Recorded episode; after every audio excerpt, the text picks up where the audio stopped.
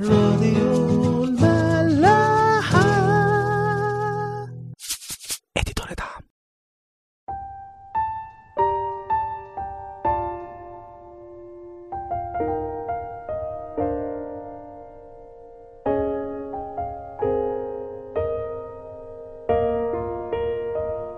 مساء الخير واهلا بيكم في حلقة جديدة من عيش وملح. خلصنا آخر مرة الاصحاح الخامس من سفر ملوك تاني. واللي حكى لنا عن معجزة شفاء نعمان رئيس جيش أرام أو نعمان السورياني زي ما المسيح كان بيتكلم عنه في إنجيل لوقا 4 27 وشفنا إزاي إن بعد المعجزة دي جحزي الغلام بتاع اليشع طمع في أي مكافأة من نعمان وراح جري وراه بدون موافقة اليشع وعمل قصة كده وكذب على نعمان فأخد منه وزنتين فضة وحلتين أو طقمين هدوم. وبسبب الموضوع ده اتصاب هو نفسه بالبرص اللي كان عند نعمان. واتكلمنا كتير قوي عن إن الموضوع ما كانش مجرد طمع أو محبة للمال والمقتنيات يعني إنما العمل روحي لما بيجي للواحد ممكن يخليه يعمل أي حاجة ايا كان هي إيه. كل واحد بقى على حسب ميوله يعني. واتكلمنا برضو إن حتة البرص اللي جاله ده ولو كان تأديب شديد في نظرنا إنما بالنسبة لربنا الأب فهو عارف بيقدمنا إزاي. وإيه اللي إحنا محتاجينه عشان الأهم بقى من حياتنا بالجسد وهو خلاصنا وأبديتنا معاه. في بس ملحوظة كده عايز أقولها لكم عشان محدش يتلخبط بعدين إن ترتيب المعجزات بتاعه أليشع مش ماشي تاريخي مش بتسلسل الزمن يعني إنما بتسلسل معين روحي قرره الكاتب اللي هو غالبا أرمية. فعشان كده يمكن نلاقي جحزي ظهر تاني في قصص بعد كده بس ده مش معناه إن هو رجع تاني يعني إنما هو زي ما قلنا التسلسل مش آه، تاريخي. يا ترى هيحصل إيه بقى في المعجزة اللي جاية؟ خلونا نكمل مع بعض ونشوف.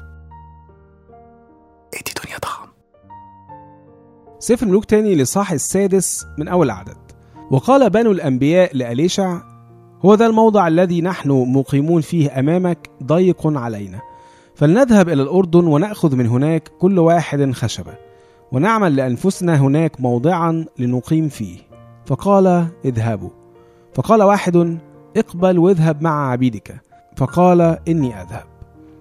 باختصار كده بنو الأنبياء دول كانوا زي رهبان أو مكرسين كده لخدمة ربنا يعني بس كانوا بيتجوزوا عادي.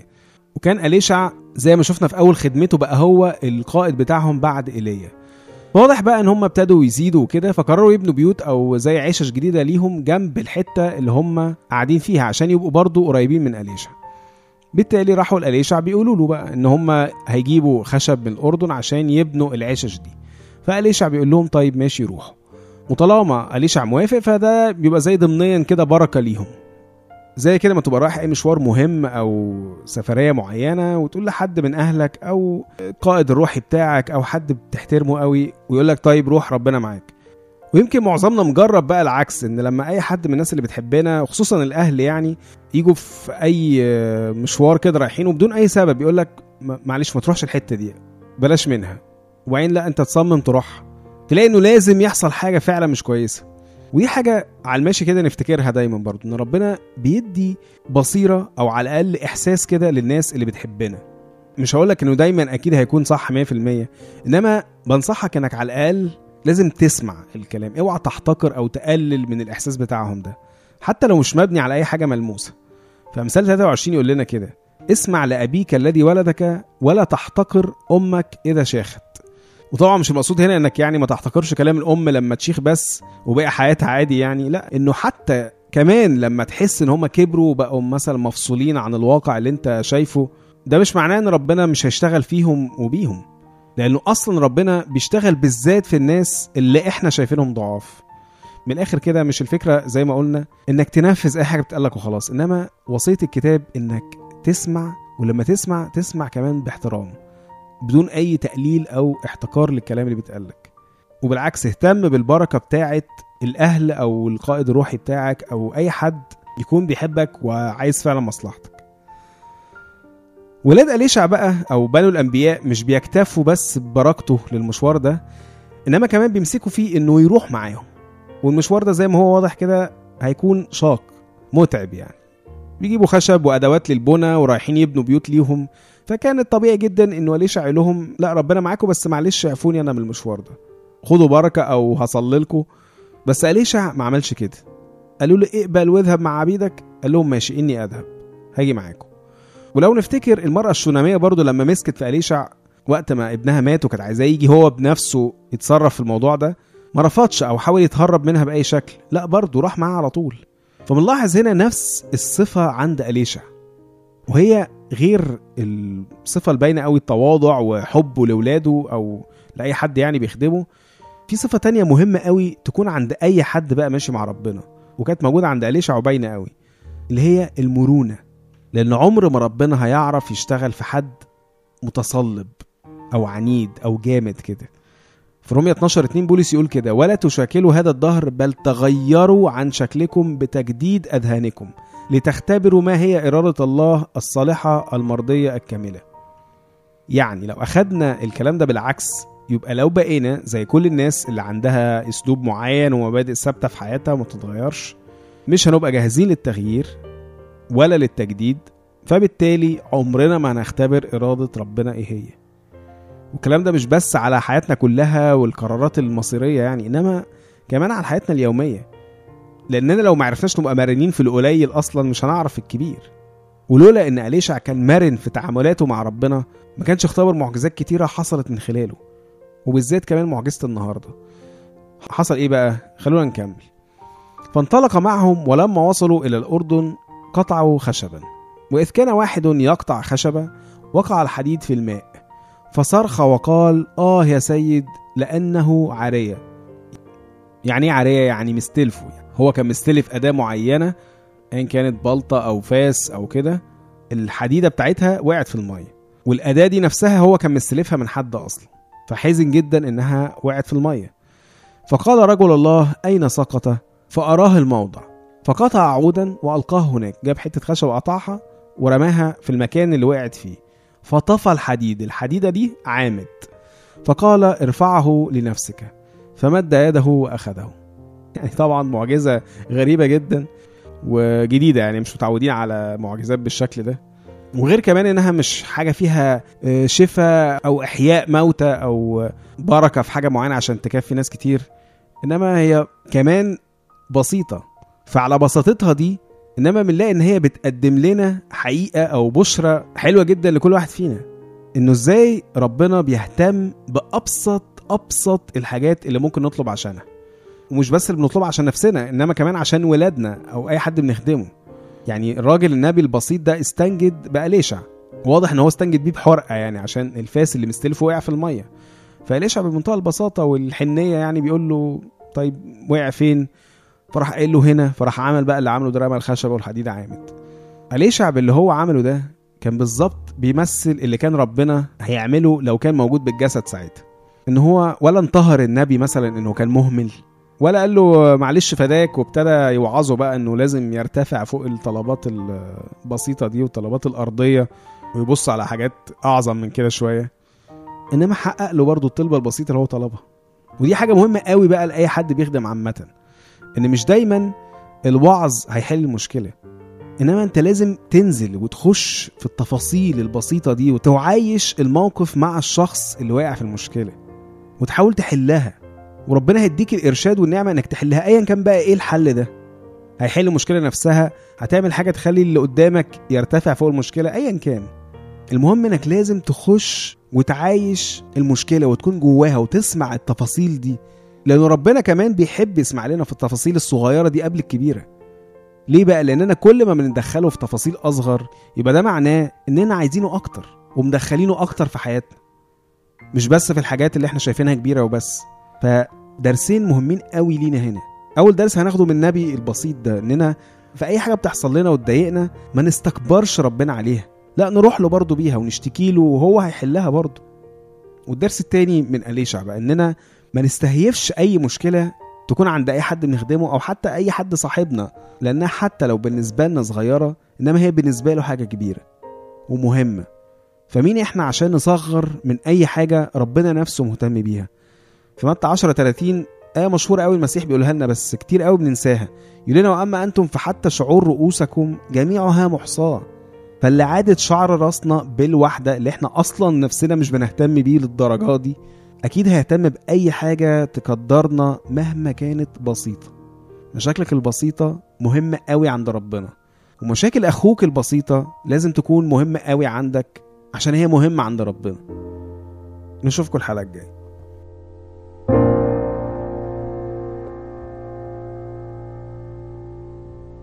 Di 图你要躺